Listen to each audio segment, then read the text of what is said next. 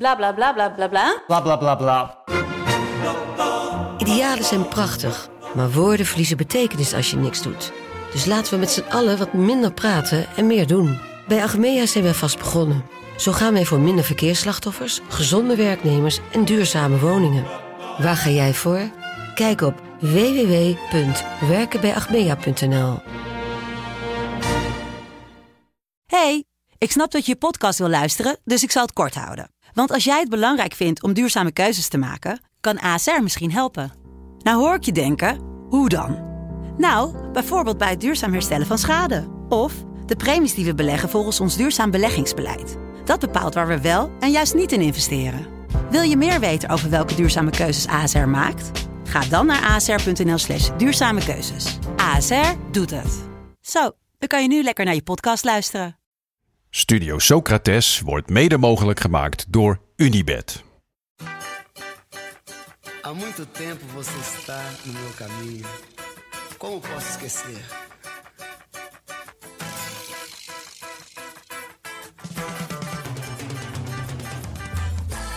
Welkom bij Studio Socrates, een podcast over alles wat voetbal mooi maakt. Met dit keer Parma in 1998-99. É você, menina. Menina, no seu jeito. Daniele difficile, ma attenzione a Crespo, finezza di Crespo sul traversone, assist di Chiesa, numero di Crespo, di tacco. In de jaren 90 was er naast ham en kaas nog iets dat Parma wereldwijd bekend maakte. De plaatselijke voetbalclub. Waar de eerste 77 jaar van de club in relatieve anonimiteit werden doorgebracht, gaan ze in de jaren 90 harder dan vlammen en abraxas. Onder leiding van de familie Tanzi, eigenaars van Parmalat, en de onbekende coach Nevio Scala promoveren ze naar de Serie A en winnen de beker der bekerwinnaars. Mannen als Claudio de kippenvanger Taffarel en Fausto de octopus Aspria steken hun neus aan het venster. Maar de club wil meer. Spelers zoals Zola, Crespo, Veron, Cannavaro, Buffon en Turan worden gehaald. The sky is the limit. Alhoewel de tweede plek achter Juve de uiteindelijk echte limiet blijkt te zijn. Dat het Parmalat-schandaal de definitieve doodsteek betekende voor de successen is aan de ene kant spijtig, maar aan de andere kant ergens ook wel mooi. Ja, zeker. Toch? Want daarom kunnen wij het er nu over hebben ook, hè? Ja, en het, het heeft toch dat. Nou ja, niet, niet om, om, om de volledige Italiaanse cultuur over één eh, kam te scheren. Maar het heeft ook wel. Ja, het is ook wel iets, iets typisch, toch? De schoonheid van de tragiek. Ja, ja, eigenlijk wel. Ja. En dat het dan. Omdat, omdat de sponsor. Nou ja, dat gebeurt trouwens in meerdere eh, eh, landen en voetbalculturen. Maar ik heb toch wel het idee dat het. Ja, de blauwdruk daarvoor uit Italië komt. Bitterzoet. Ja, wel mooi. We gaan het er straks uitgebreid over hebben. Maar eerst heugelijk nieuws. Ja, want eh, we nemen dit op op eh, dinsdagavond. Jullie horen dit waarschijnlijk op eh, woensdagochtend al. En op dinsdagavond, 8 maart, is Haris Medunjanin nog steeds jarig. Ongelooflijk. En dat op Internationale Vrouwendag. Ja, Verbaast mij niks. 8 Kan maart. geen toeval zijn. Nee, dat kan geen toeval zijn. Nee, gefeliciteerd. Ja, Vriend van de show. 37 jaar geworden. Zou ik hem niet geven? Heel fit nog. Ja? Ziet er nog steeds goed uit. En kan nog steeds ontzettend goed voetballen. Ja. En gaat het ook weer doen bij Cincinnati. Heeft verlengd. We hebben een prachtig shirt eh, van hem gekregen toen hij eh, hier was. We hebben hem eh, mogen interviewen. Ja. Is wel echt vriend van de show. Ja. Nummer. Ja, zeker. Ik hoop ook echt dat hij nog luistert en eh, dat hij dit hoort. Ja, Ik hoop denk ik het eigenlijk wel. Ja. Dus bij deze. Gefeliciteerd. Dan wat, eh, wat voetbal dit weekend eh, mooi maakte. Ja, trap ik hem af? ja, ga ervoor, jongen. Ja, ik heb hem eigenlijk eh, van, ja, toch misschien gestolen van jou. Want jij bent hier eh, toch wel de Arsenal-man. Ik werd ook eh, getipt Ja. eh, door luisteraars en, en vrienden van mij van... hey, dit, dit, dit was wel mooi dit weekend. Ja, het is weer echt genieten bij Arsenal. Ja, Want net als bij Barcelona zijn ze met een soort van mini-revival bezig. Saka, Martinelli, Eudegaard, kortom eh Lacazette heen. En ja, dat begint echt zijn vruchten af te werpen. Het is echt een lust voor het oog om te zien hoe dat werkt. En lijkt een beetje eh, sinds Oba echt weg, weg is, hè? Ja, dat, was dan misschien toch wel een hele goede keuze. Ja, ik, en voor Barça ook goed. ik weet nog dat we een paar weken geleden hierover hadden van... poeh, nou, hè, eh, je duurste speler weg, eh, krijgt er ook niks voor terug. Maar Het is, eh, Ze hadden het dus blijkbaar allemaal al in huis. ja, en met name Lacazette is echt, ja, eh, eh, een, een, een metamorfose. Ja, en hij, ja, hij is nu de spits die Arsenal nodig heeft. Want hij was vroeger, ik, ik vond hem heel vet al bij Lyon, maar toen was hij echt een roofdier. Ja. Gewoon op zoek naar dat ene moment in de 16 dat hij kon afwerken. Kon ook altijd wel goed voetballen, maar hij loerde wel echt op dat doelpunt. En nu is hij echt de perfecte aangever geworden. En dat kwam zo mooi tot uiting bij twee goals van Arsenal. Ehm, nog niet bij de 0-1, wat trouwens ook een hele mooie goal was met een dubbele 1-2 tussen Saka en Eudegaard. Eh, maar bij de E. Ja, dat hakje was bewust. Ja, hè? dat denk ik wel. Ja, dat denk Ja, ik wel. ik- toen ik hem op volle snelheid zag, dacht ik, hè, dat is een beetje mazzel. Maar toen die tweede keer dacht ik, ah, nee, toch niet. Ja, en Saka reageerde er ook goed op. Dus Ja. ik denk dat dit echt bewust was. Ehm, maar nog even terug naar de rol van, eh van Lacazette. Die dus bij, die, bij de 1-2 en bij de 1-3 eigenlijk met zijn kont zo op randje 16 staat. En een heel klein beetje zich aanbiedt. Dan weet Saka dus, of Eudegaard weet, ik kan hem inspelen. Hij houdt de bal een beetje vast.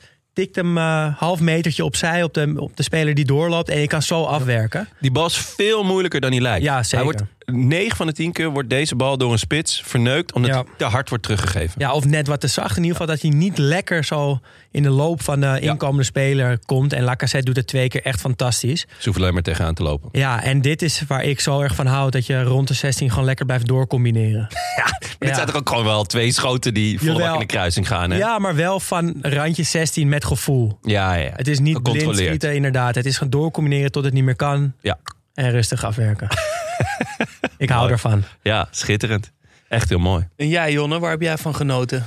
Nou, ehm, ja, nou eigenlijk dit, maar eh, ik moest dus op zoek naar wat anders. Nee, de, de, de, eh, diende zich al, eh, al eerder op het weekend diende zich iets aan. Ik kwam een filmpje tegen van, ehm, eigenlijk vanuit van van eh, Tottenham. Eh, en eh, het was Hugo, Hugo Lloris, de, de, de, de keeper van Tottenham en eh, de aanvoerder. Die na afloop van de wedstrijd Tottenham tegen Everton, tegen, eh, ja, hij ja, duwt of zet aan eh Deli Alli om een ereronde te gaan lopen. Ja, die dus nu bij Everton speelt, Ja. maar lang bij Tottenham. eh, Klopt. Wel, het is wel, eh, ja, dus hij, hij gaat het ook doen en hij wordt toegezongen. En ik vond het ontzettend mooi. Het gebeurt eigenlijk te weinig dat, dat eh, oudspelers goed, leuk, mooi worden ontvangen. Het is eigenlijk altijd een beetje van, oh, waarom ben je weggegaan? En een soort van haat en nijd. Heel af en toe gebeurt het wel hoor, dat iemand echt mooi wordt ontvangen. En ik vond het heel vet. Je, je zag Deli Alli een beetje twijfelen van, wat, wat moet ik doen? Hij had ook net 5-0 op de broek Ja, gehad hij natuurlijk. kwam er zelfs in bij een 5-0 achterstand. dus dat was- ook Het was best wel droevig eigenlijk. Maar daarom vond ik dit dan wel weer mooi. Eh, het is wel ook wel makkelijk als je 5-0 wint. Stel, ze hadden 5-0 verloren. Had hij het dan ook gedaan? Dat weet ik niet. En had dan het publiek ook geklapt? Weet ik ook niet. Maar goed, dat zijn allemaal als, als, als. En dit was gewoon, eh, was gewoon mooi. Maar jongens, er is nog veel groter nieuws. Ik ga er even goed voor zitten. Er is namelijk echt... Nou ja, ik, ik word hier gewoon heel blij van. Ik neem aan dat we binnenkort eh, een viewing party gaan hebben. Het allermooiste nieuws namelijk dit weekend is dat Henk de Judas ten Kate zijn acteerdebuut heeft gemaakt.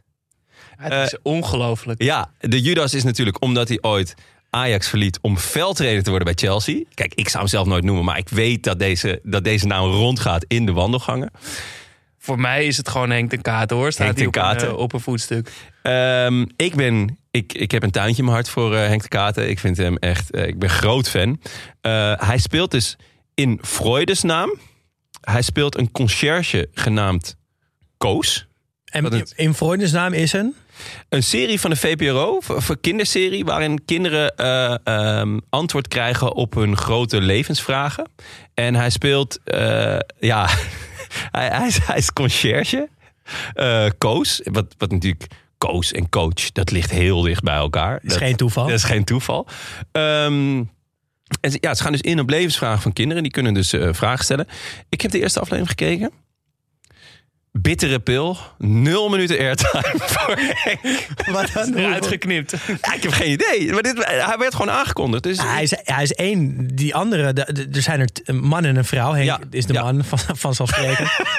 en die vrouw is een Wat hele het zijn? bekende actrice. Ja. Maar Henk is gewoon Henk. een grote naam in deze serie. ja. Dus ik denk dat hij wel, dat hij dan... Nou, of het is, en dat zou ik heel vet vinden, dat het clickbait is.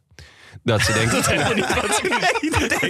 dat er elke week een belofte is dat Henk ten Kaat zijn acteerde gaat maken. Al die kinderen zitten klaar, miljoenen voor de buis. Hoeveel mensen Die denken, denken dat er- gewoon, nou, we laten dat computerspelletje liggen. Henk ten Kaat komt op tv.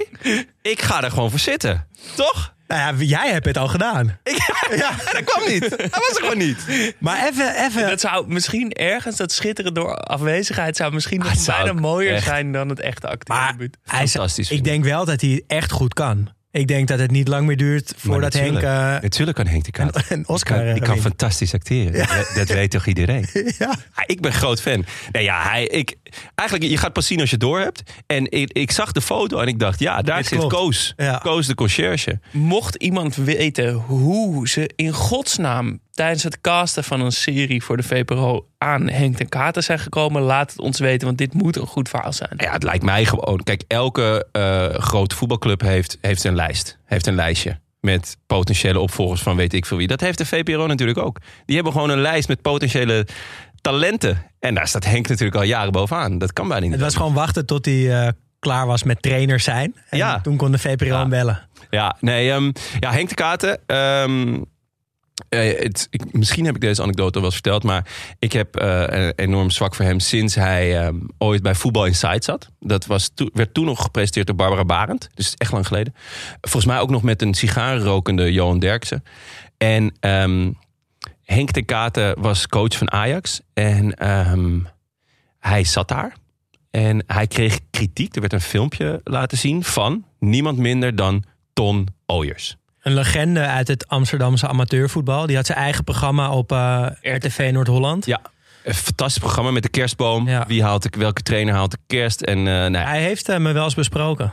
Ja? Ja, Dat meen je niet. Hij En? heeft jouw naam in de mond genomen? ja zeker. Wat goed zeg. En positief? Ja, Nee. positief ja. Ook Uiteraard. nog eens. Ja. Henk had er kijk op. Of eh, Ton. Don had er Henk kijk ook op trouwens. Ja.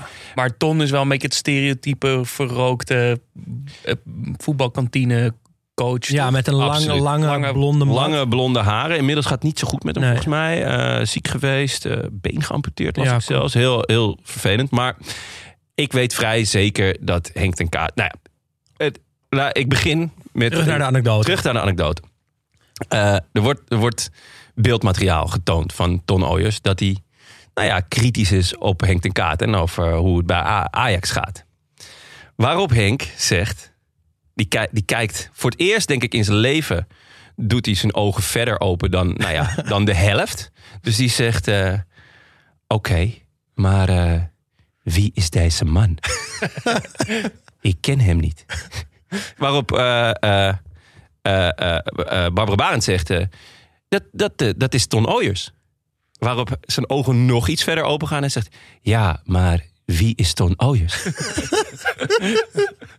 Waarop de sfeer een beetje ongemakkelijk wordt in de studio. Want ik weet vrij zeker dat, hij, dat, dat Henk weet wie Ton Ooyers is. Maar goed, Barbara Barend zegt... Dat, dat, dat, dat, dat is een, een amateurtrainer. Waarop Henk ten Katen voor het eerst in zijn leven volledig zijn open doet en zegt... Een amateurtrainer. en toen ging iedereen helemaal stuk in de studio. En eh, bij mij en mijn vrienden, ik, heb, ik heb, eh, ben al jaren op zoek naar dit fragment. Eh, ik heb RTL 5 gemaild. Ik heb, je op een gegeven moment sigaarsnor, blogspot, heb ik allemaal geprobeerd. Ehm, ik weet dat ik het heb gezien toen. En dat een aantal vrienden van me het ook toevallig hebben gezien. Of in de herhaling nog hebben gezien. En bij ons is het al jaren een running gag. Een amateurtrainer. Ah, Maar wie- Ja, maar dit was dus eigenlijk het acteerdebuut van Henk. ja, ja, ja, zeker. Want hij wist Hij wel wist wie Ton ja. Ooyers was. Ik bedoel, hij loopt al jaren natuurlijk ook in de Amsterdamse scene. Maar gewoon de vraag, wie is deze man? Ik ken hem niet. Ah, een amateurtrainer. Het is, eh, Heerlijk. ja, heerlijk. Prachtig. Dus ja, ik ben blij dat hij, eh, ja, dat, dat hij onze huiskamers weer binnen, binnen knalt binnenkort. Althans, dat hopen we dan, hè? Dat hopen we. Hopen we. Nou, we gaan er in ieder geval nu met z'n drieën Ja. klaar voor zitten. En jij, Jas, wat, eh, heb, je, heb jij nog iets moois gezien? Eh, ja, zeker. Ehm, natuurlijk ook veel op de velden. Maar ehm, een, volgens mij twee of drie weken geleden bespraken we in ons Klaboe-item Roberto Carlos... die zichzelf verloot had via een eh, loterij op eBay. Ja, dat is goed. Je kon een loodje kopen voor 5 pond. En de winnaar van die loterij die zou Roberto Carlos één dag in zijn team krijgen. Eh, en de opbrengst ging naar eh, een, een goed doel van Roberto Carlos. Dat werd gewonnen dus door de het pubteam Bull in the Barn United uit Shropshire, ergens op de laagste regionen van het Engelse pubvoetbal ook nog eens. Daar speelde hij dus één dag mee. Eh, de beelden zijn ook fantastisch, want het is een guur, winderig hobbelveld met ja, het loopt aan alle kanten scheef. In het midden ligt echt twee meter hoger dan, de doel, dan het doel. En stond hij gewoon wel op linksback? En hij kwam er pas op een gegeven moment pas in. Oh, echt? En eh shocked een beetje. Maar ja, je ziet die kuiten en dat hele vierkante geblokte postuur van hem. Schiet trouwens wel de winnende penalty er nog even in. Juicht vrij onderkoeld met zijn met zijn teamgenoten. Lijkt wel weg te gaan meteen of zo. Maar daarna doken er dus eh, beelden op op social media. Dat hij daarna in, denk ik, die pub boel in de barn staat. Met zijn eenmalige teamgenoten. Die waarschijnlijk, zoals alleen Britten dat kunnen, hem hebben uitgedaagd. Om een bekende voetballer te bellen. Zo van, ja, Roberto, jij, jij kent toch iedereen? Bel Ja. eens iemand. Bel eens iemand. En waarschijnlijk heeft hij eerst nog twee keer nee gezegd. Nee, dat gaat toch niet doen. Jawel, ja, bel je, bel. En dat filmpje is dus een filmpje dat je... Je ziet allemaal benen eigenlijk om een, om een telefoon heen staan die op zwart staat. Want er wordt uh, gefacetimed. Helemaal rechtsbovenin zie je een heel klein schermpje. Zie je dat blije hoofd van Roberto Carlos. en dan na een tijdje neemt Sergio Ramos op. Die verschijnt groot in beeld met, met een juichende, ook een soort hallo. Die heeft ook heel vrolijk is hij. Waarop er natuurlijk een ontzettend gejuich in, het, uh, in, het, uh, Oh. in de pub ontstaat. Ja, heerlijk. Ja, echt, Echt fantastisch. Wat een rare werelden die bij elkaar uh, kwamen. Ja. En wat een, wat een leuke manier om geld op te halen ook voor iets. Ja, Toch? ja. Dat ik je denk gewoon dat hij ook een leuke dag heeft gehad. Ja, zeker. Dat moet wel. Ik denk dat hij ook wel blij was dat hij naar een pub ergens kon, toch? Ja. Niet een of andere... Ja. je zal maar bij Almere buiten komen. ook leuk misschien wel. Ja, heel vet. Echt eh, absoluut eh, het kijken waard. Ja, ehm, maar dat brengt ons meteen ook op onze Klaboe, eh, op ons Klaboe-item van deze week. Ja. Eh, Klaboe ontwerpt en verkoopt sportkleding. En met de opbrengst worden sportclubs in vluchtelingenkampen gestart. De slagzin van Klaboe is de unbeatable spirit. En wij kiezen elke week een speler die volgens ons die spirit heeft. Ja, wel actueler dan ooit. Qua Dat, eh, vluchtelingenkampen natuurlijk. Kun je wel zeggen. Ja, eh, het is ook niet heel gek natuurlijk dat onze eh, blik richting Oekraïne gaat. Eh, ik vond het betoog van Prupper erg mooi. Het kwam, eh, de aanvoerder van Twente, kwam echt oprecht over. Hij scoorde vijfde goal trouwens al dit seizoen. Mag ook gezegd worden. voor een laatste man. Wees naar zijn aanvoerdersband. Ja, je zag aan hem dat hij best wel snel de klik maakte. Van oké, leuk dat we hier staan te juichen. Maar ja, ik voel me er toch niet helemaal prettig bij. Hij was echt ontdaan en verontwaardigd ook. En, en over wat er een paar kilometer oostwaarts eh, gebeurt. Hij deed het ook goed eh, bij Rondo. Hij zat daar eh, Oh ja. ja. begin van de week. En eh, daar legde hij nog eens uit waarom het hem zo raakte allemaal. Ja. En dat deed hij echt goed. Normaal is het nooit zo boeiend als een voetballer aanschrijft bij zo'n talkshow. Maar hij eh, Ja? ja, deed het echt goed. Mooi. Nou, dus we kunnen die wel richting Prupper sturen, onze Klaboe Award. Maar eigenlijk natuurlijk voor alle Oekraïense spelers. Of spelers in Oekraïne. Of die daar iets actie voor voeren. Of Ja. anderzijds respect tonen. Zijn er gelukkig ook een hoop Ja. die dat doen. Ja. dat is toch wel mooi om te zien. En het noemen is toch... Of het, ja, we moeten toch ook nog twee spelers vernoemen... die deze week helaas om het leven zijn gekomen in Oekraïne. Ja, Vitali Sapilo en Dimitro Martinenko. Sapilo was keeper bij Karpati Lviv. Kwam deze week om het leven nadat hij bij het leger was gegaan als tankcommandant. En Martinenko speelde voor FC Gostomel en is overleden door een raketinslag in zijn appartement in Kiev. Ja. Ehm, ja, dat maakt het dan toch wel ja, met alle, alle bijdrages en res- respect wat er getoond wordt, is dan opeens dit dan toch opeens nog extra hard. Ja, ja, nou ja, omdat gewoon ook die jongens ervoor kiezen eh, om, om, om bij het leger te gaan, gewoon om hun land te verdedigen. En eh, ja, er zit ook gewoon niet zo heel veel anders op voor hun. En eh, Je zag ook eh, Match of the Day had een interview met Sinchenko, Gary Lineker. En Sinchenko zei ook van, eh, ja, als ik niet mijn vrouw en kind hier in Londen of in Manchester had gehad, was ik, eh, was ik al daar geweest om te vechten voor mijn land. ja, Het zit zo diep bij Ja. hun allemaal om, dat, Ja. om, om terug te gaan en mee te vechten. Ja. Heftig. Ja. Ja. Ja, heel heel heftig. Maar eh moet wel, eh, ja, daar, daar blijven we. Moet, ja, moet benoemd worden. Ja. En, eh, het, ja, het sluit ontzettend aan bij, eh, bij wat, wat Klabo doet. Ehm, Over naar eh, nog een eh Klaboe-item wat we op hebben genomen. ja, dat is wel bijzonder. We hebben het over Nederlandse spitsen gehad. En daarbij kregen we een bijdrage van onze vaste columnist. Of nee, correspondent noemen we hem. Ja. Paling. Onze correspondent onze- België. Onze België-specialist, columnist, correspondent. eh, die eh, naar aanleiding van onze aflevering eh, over Nederlandse spitsen... stuurde hij een, eh, een voice memo in over Piet den Boer. Nederlandse spits die ooit voor Mechelen scoorde in de Europa Cup finale. En ehm, ja, zoals Paling, zoals we hem kennen, heeft hij deze week ook weer een bijdrage geleverd. En eh, daar gaan we nu naar luisteren. En het is een bijzondere. Yes. Ha mannen, Paling hier. Vorige aflevering hebben jullie de Klabu Award, een beetje op mijn suggestie, uitgereikt aan Piet den Boer. De Nederlandse spits die in 88 de Europa Cup 2 won en die zich na het voetbal inzet voor G-sport. Ik vroeg me eigenlijk af of dat jullie eigenlijk al eens een Klabu Award winnaar in jullie show hadden gehad. En anders, bij deze, kom er maar in Piet. Hey, goedemorgen. Mijn naam is Piet en Boer. En inderdaad, ik wil jullie bedanken voor de Klabu Award. Ik vind het een geweldig initiatief en ik vind het ook een mooi iets waar jullie mee bezig zijn. Inderdaad, in 1988 hebben wij ooit de Europa Cup mogen winnen met een zootje Nederlanders. Maar het was wel plezierig, zeker tegen Ajax. Het doelpunt op zich was natuurlijk een werk van alle spelers bij elkaar. En ik ben wel blij dat we dit hebben mogen meemaken onder leiding van inderdaad Aad de Mos. Ehm, betreffende de racesport, ja, ik heb eh, in België eh, eigenlijk de voetbalkick-off geïntroduceerd. Een groot G-voetbaltoernooi voor België. Dat bestaat nu 12 jaar. En daar nemen nu een kleine duizend G-voetballers aan mee.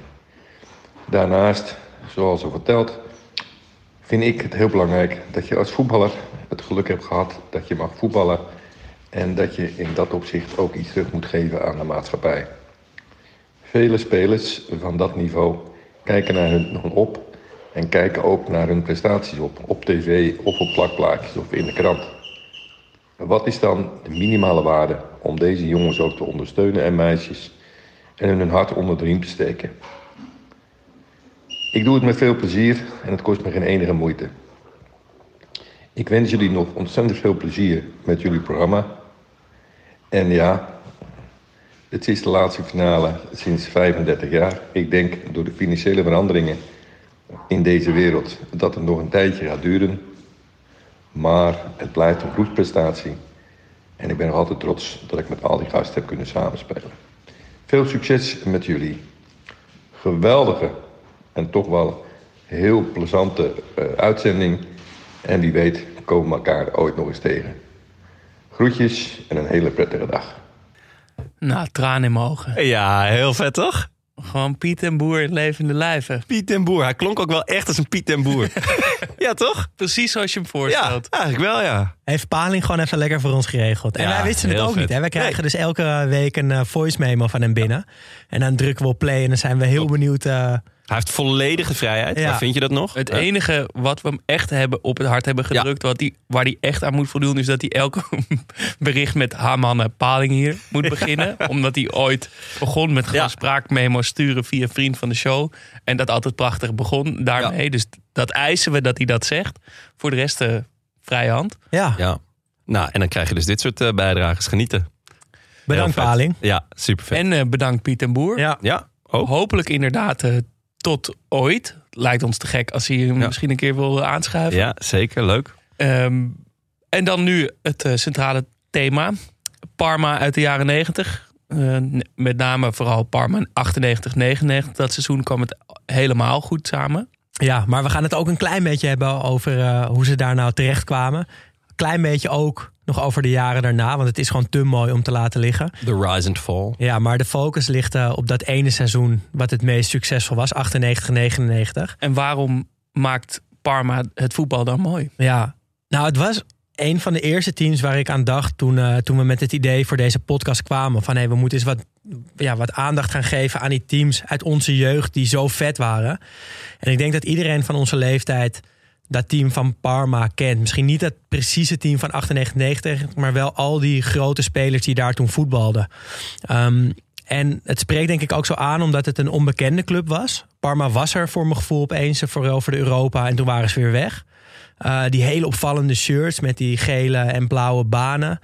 Uh, bijzondere spelers ook die er gevoetbald hebben. Um, en voor mij had het ook altijd een beetje wat mysterieus of zo. Ja, wat, wat is Parma? Wat gebeurt daar? Waarom spelen al die grote spelers Ja. daar? Hoe kan dat? Ja. Um, en daardoor trok het ook misschien wel dat soort type spelers aan op een gegeven moment. Want bijvoorbeeld Mutu en Adriano hebben er ook nog gevoetbald. Um, ja, dus voor mij is het een beetje mysterie en gewoon pure cult.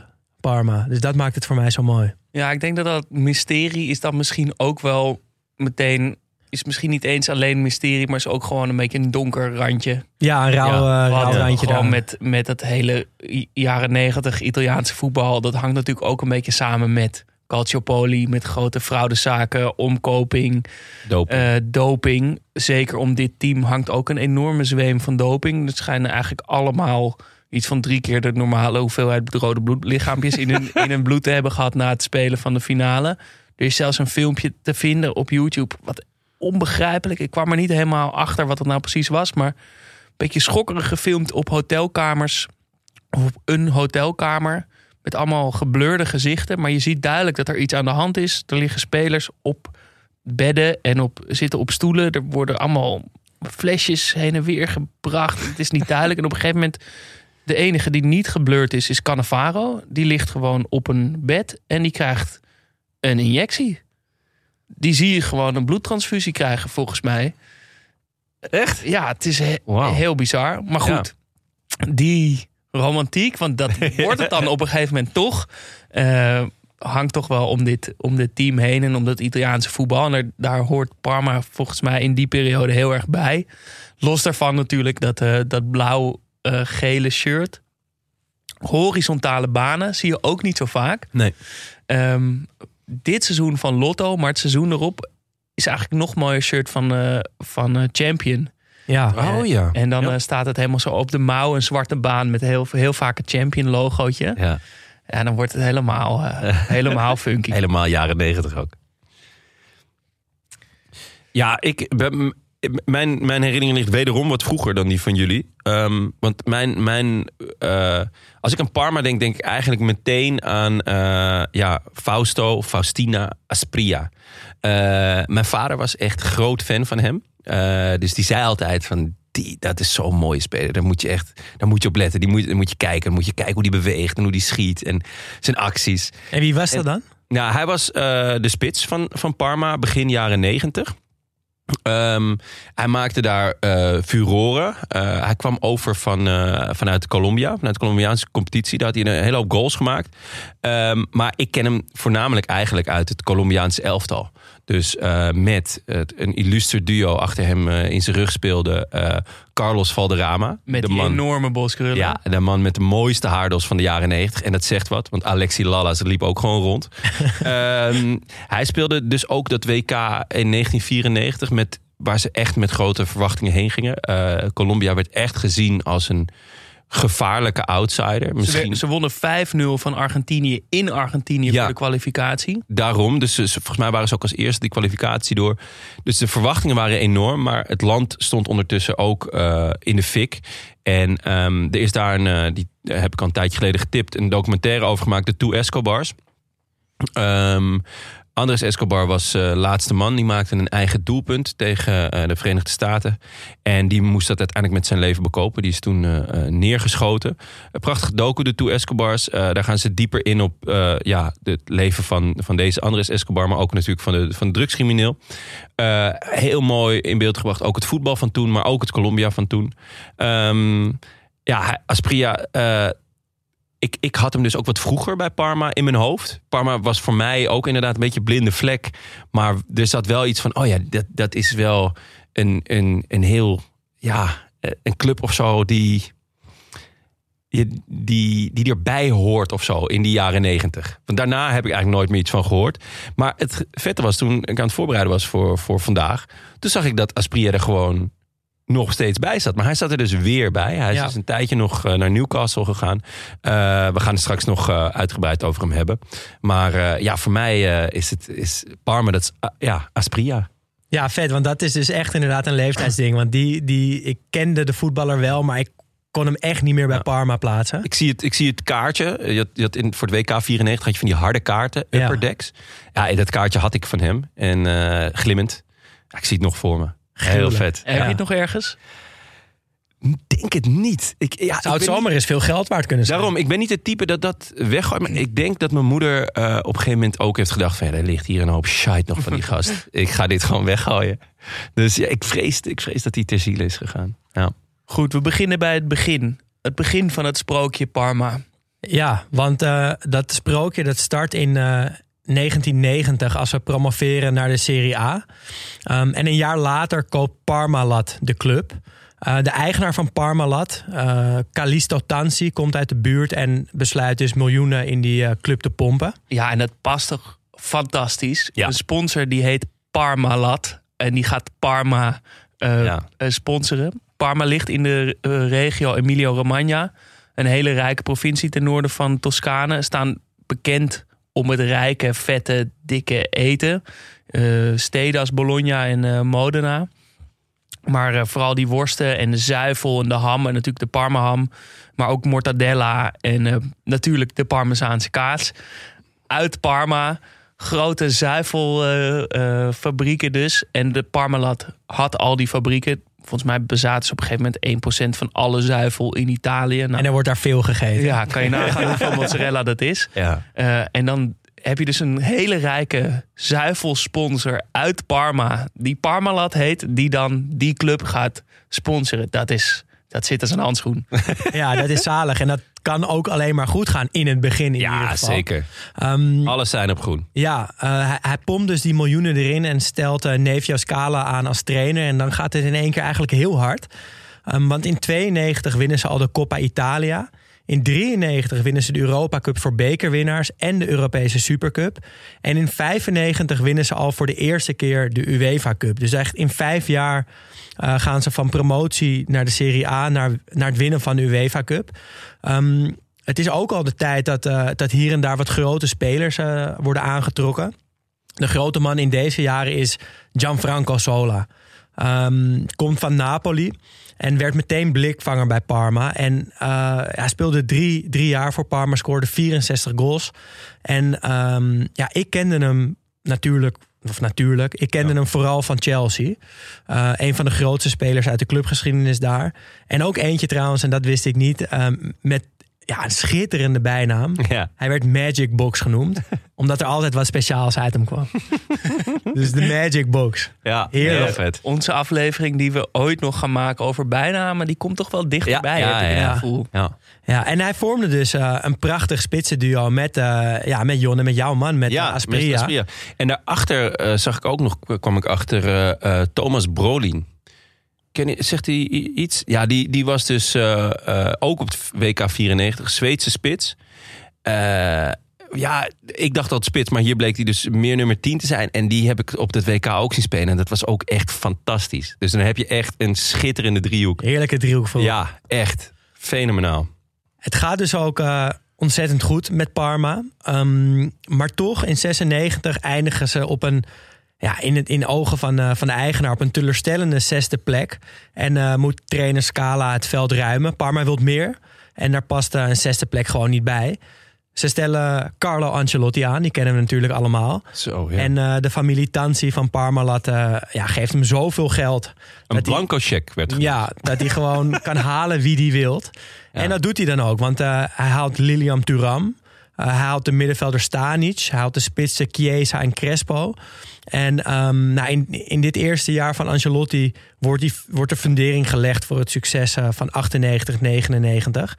Um, in zijn eerste seizoen wordt Parma tweede op slechts twee punten van uh, Juventus. Het zal de hoogste notering ooit van Parma blijken te zijn. Voorlopig. Voorlopig. Um, maar een jaar later worden ze weer zesde en daar lijkt uh, een vloek op te rusten. Want weer zegt de eigenaar, ja, dat is gewoon niet genoeg. Ancelotti, wegwezen. Ik vind ook wel dat hij een punt heeft nadat je een blanco check geeft en je wordt zesde. Dat is gewoon niet Ja. genoeg dan. Ja, het moet sneller. Ja, Het moet Blanco gewoon check, jongens. Kom aan. Turam kan je halen. Je kan iedereen kopen en je wordt zesde wegwezen. Dat is hoe die eigenaar eh, erover dacht. En hij stelt ex-Fiorentina-coach Alberto Malazzani aan. Ehm, hij is de man die het harde werken van Scala en Ancelotti... en vooral van de Tansi-clan natuurlijk moet verzilveren. Ehm, in 97, 98 wordt ook hij zesde... maar hij mag dan wel weer blij- blijven. En dat blijkt dan toch wel een gouden greep. Eh, de groep blijft bij elkaar en hij versterkt het met, eh, ja, met wat pure kwaliteit. Want onder andere Vanoli, Fousser, Bogosian... maar vooral Juan Sebastian Ferron komt naar de club. En dan start het seizoen, 98, 99. Ehm, en daar gaan we het wat uitgebreider over hebben. Even kort de opstelling, zodat jullie allemaal een beeld hebben van wie er op dat moment allemaal bij, eh, bij Parma voetballen. En dat zijn er nogal wat. Dat zijn er nogal wat. Op de goal Buffon. Verdediging met Cannavaro, Sensini en Turam. Voor de verdediging Bo Bogosian en Baggio. Op Dino, nummer- Baggio. Dino Baggio, ja. Op nummer 10 dus Veron. Aan de zijkanten Vanoli en Fousser. En een prachtig spitse duo, duo met eh, Enrico Chiesa en Hernan Crespo. Aspria op de bank, onbegrijpelijk. Ja, maar die, Nee, die krijgen ze in minuutjes wel hoor. Jawel. Maar dan beginnen we met, eh ja, met, dat kan er maar één zijn. Met Ja, met. Buffon. Eh, Buffon maakte zijn debuut in, voor Parma in november 1995. Leuk detail, toen was een groot gedeelte van zijn huidige teamgenoten nog niet eens geboren. Want Dat hij keept nog steeds. eh, Hij keept dus nog steeds. Ja. Hij speelde eh vijf en een half jaar, maakte zijn bu- debuut bij het Italiaanse elftal en verkaste in eh, 2001 voor 54,7 miljoen euro naar Juventus. Wauw. Jezus, wat veel. Dat is echt murder veel. Voor een keeper in Voor een 2001. Ja, en dat was ja. En het was toen ter tijd dus ook gewoon de duurste transfer ooit. Ehm, en hij is heel lang de duurste keeper gebleven. Pas paar jaar geleden zijn Alisson Becker en, eh en Kepa, die inmiddels volgens mij op de bank zit zelfs. Bij Ja, Chelsea. die kostte 80 miljoen of zo. 80 Die, mil eh, en, eh, kan er niet zo heel veel van. Alisson was eh 60 of 70. Ehm, maar goed, ja.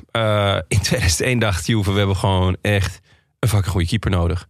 Volgens mij was het na, na Van der Sar. Dat ze dachten, dit kan niet langer. Maar ehm, hij pakte... eh, ja, hij keepte eigenlijk jarenlang bij Juve. Eén seizoen bij Paris Saint-Germain. Vind ik echt jammer. Vind ik dus ook echt, Echt, jammer. ja. Toen ik dat ertussen zag staan, die club, dacht ik, ah, waarom nou? Wat, wat nep Ja. eigenlijk. Zoals ik al zei in onze aflevering over transfers. Ja. De mooiste transfers zijn degene die nooit gemaakt Ja, zijn. zeker. Nou, daar hoorde deze bij. woorden. Hij pakte elf keer een landstitel, vijf keer de beker en één keer de wereldcup met eh, Italië. En keerde dus afgelopen zomer terug naar de club waar hij als 13-jarig jongetje begon. Toen nog als middenvelder. Hij speelde tot zijn veertiende op middenveld. Ehm, bij zijn terugkeer gaf hij aan, eh, gaf hij een interview, een mooi interview. Hij gaf aan nog steeds te leren en in bepaalde aspecten van het keepen eh, ja, eigenlijk gewoon nog beter te worden. Het lezen van een wedstrijd, mentale kracht.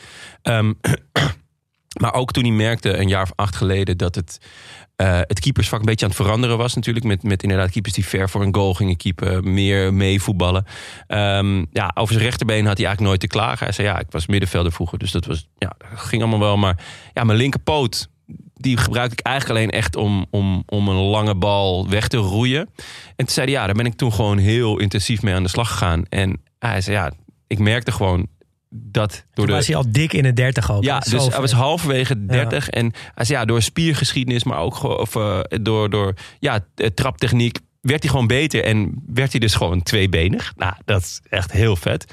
Ehm, Het kan nog steeds. ja, het kan gewoon nog steeds. En ehm, waar ik na, na een, een tijdje grasduinen... want het is echt een wormhole waar je, waar je bij hem inkomt. Ehm, hij heeft een paar jaar geleden... ehm, heeft hij een brief geschreven aan zijn jongere zelf... waarin hij, hij is een tijd lang... eh, eh, is het niet goed met hem gegaan. Eigenlijk eh, Mentale problemen. mentale toch? problemen rond zijn 26e. En hij heeft een brief geschreven aan zichzelf. En ja, daar, daar zal ik een, eh, een, een, een paar dingetjes uit voorlezen die ik echt ehm, ja, die ik heel vet vond. Eh, Dear 17-year-old John Luigi.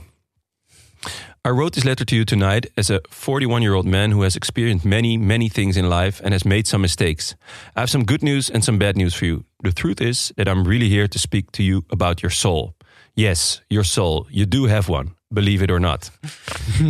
uh, let's begin with the bad news. You're 17 years old. You're about to become a real footballer, like in your dreams. You think that you know everything, but the truth is, my friend, you don't know shit. in just In just a few days, you will get the chance uh, to start your first Serie A match for Parma, and you don't know enough to be scared. You should be in bed drinking warm milk. But what are you going to do? You're going to go to a nightclub with your good friend from the Primavera. You're just going to have one beer, right? But then you exaggerate a bit. You play the movie character, the strong man. This is how you usually cope with the pressure that you don't even know what you feel. Soon you'll be outside the club, arguing, arguing with some police officers at one in the morning. Just go home, go to bed. And please, I beg you, don't piss on the wheel of the police car. the officers will not find it amusing. The club will not find it amusing. And you will risk everything that you have worked for. Nou, Maar eh, dit betekent dus dat hij dit wel heeft gedaan hoor. ja, ik. dat betekent dat. Ehm, daar, daarna gaat het over ehm, dat, dat hij dus op zijn zeventiende eigenlijk eh, op het punt staat om alles te krijgen wat hij al, overal, eh, wat hij altijd heeft gewild. Money, fame and the job of your dreams.